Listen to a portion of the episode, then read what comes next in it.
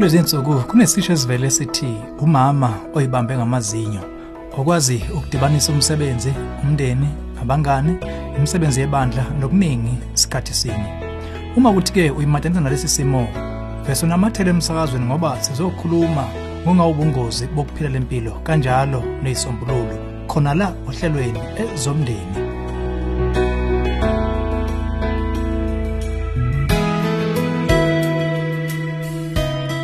Angikubingelele ezomndeni uhlelo ukulethela izeluleko eziphathekayo ngabaka focus on the family. Umama okhathazekile usithinte wabuza wathi Ngingayimisa kanjani ekuyizweni nginecala futhi ngimelana nesilingo sokuba umama oyibambe zonke. Ngingumama osebenzayo nengane esecrash nezinye esesikoleni eyidinga ukunawa ngemisebenzi eminingi yesikole. Kumele ngivume ukuthi ngizizwa kabi uma ngingenzi into yokuya phambili. Inhlelo zomndeni ziningi futhi kuningi okudinga ukwenziwa. Yikho ngiyibona ngiphoqelekile ukusebenza kwesinye isikhathi okubandakanya ukwenza izinto eziningi isikhathi sinye ngazo zonke izikhathi. Uma ngingakwenzi lokho ngibanjwa uvalo ukuthi angeke zenzeke izinto.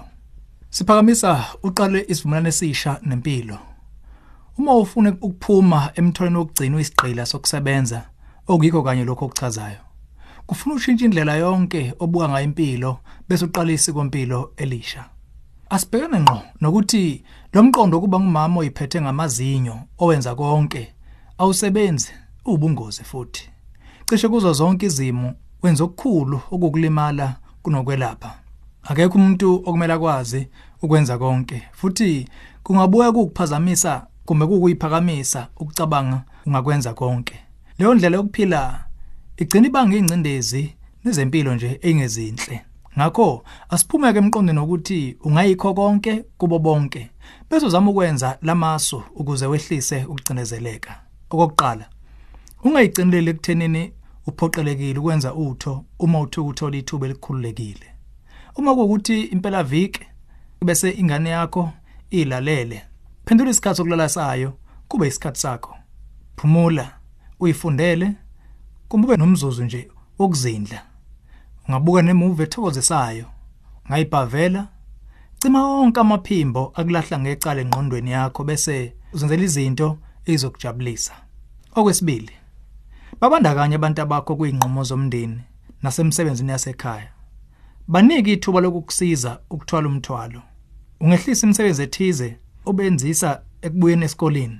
Nikhani nje ithuba leqophelo eliphezulu lokuba ndawonye neumndeni khumbula kuyasiza ukulumana indlebe noma ngaba nezingane eziminyakanye nezakho. Lokho kuyokwenza ubone awedwa okwesithathu njengoba usemsebenzini thola indlela zokuxoxa nabanye omama ngenselo yokubhalansisa ikhaya isemsebenzini isikole nesikhathi sakho. Xoxa ngamasu okuthenga izinto ezibiza kahle ezokulungisa ukudla ukuhlela uhlelo lokudla lwesonto elilandelayo ukuhlela imisebenzi yezingane izinto eningazenza ngokujabula ndawonye neumndeni buye uyiphumuze ukuhlalisa steeringini ushayela. Okwesine iba nakho imqondene ukuthi akusibo bodwa omama abasebenzayo aba nesilingo sokuba ngomama abenza konke. Noma umama ngayedwana oshadile nkosikazi osebenzayo umama ohlala ekhaya bonke badinga ukuqondanisa kahle uhlelo lwezinto eziseqhulwini. Zikhona indlela ongenza ngazo lokhu. Ungaba nechart enohla lwezinto ngokulandelo yobumqoka kwazo. Qala uNkulunkulu, umndeni, abahlobo, yimi, njalo njalo. Xa usakwenza lokhu, qinisekisa uyasibeka isikhathi sokuxhumana nowakwakho. Ngisho ngathiwa umndeni wakho ungophilileyo nomuhle, kodwa uyomangala ukuthi kuyikhipha nje nowakwakho ubusuku bunye. Bungabuqinisa kanjani ubunye bube usizo nasemndenini wonkana. Uma kuthi uyathanda uba uxoxela lodaba nesinye sezisebenzi zethu kwezokwelulekwa efocus on the family. Sichume ngokusifonela ku031 716 3300. Abeluleki bethu abaqeshiwe bokuthakasela ukukusiza laba ngakuseza khona. Okugcina, kumele tip elula. Emva ukuthi sekushiwo futhi kwenziwe konke, into eyodwa phambili ongayenza uyenzela umshado wakho nabakwakho bonke ukugcina impilo ilula nje isobala. Kwenza kube impokophelo yakho ukuphefumula okukhulekile ukuthakasela imvelo yomdali nezinjabulo zosuku ngosuku. Ungayijezisi.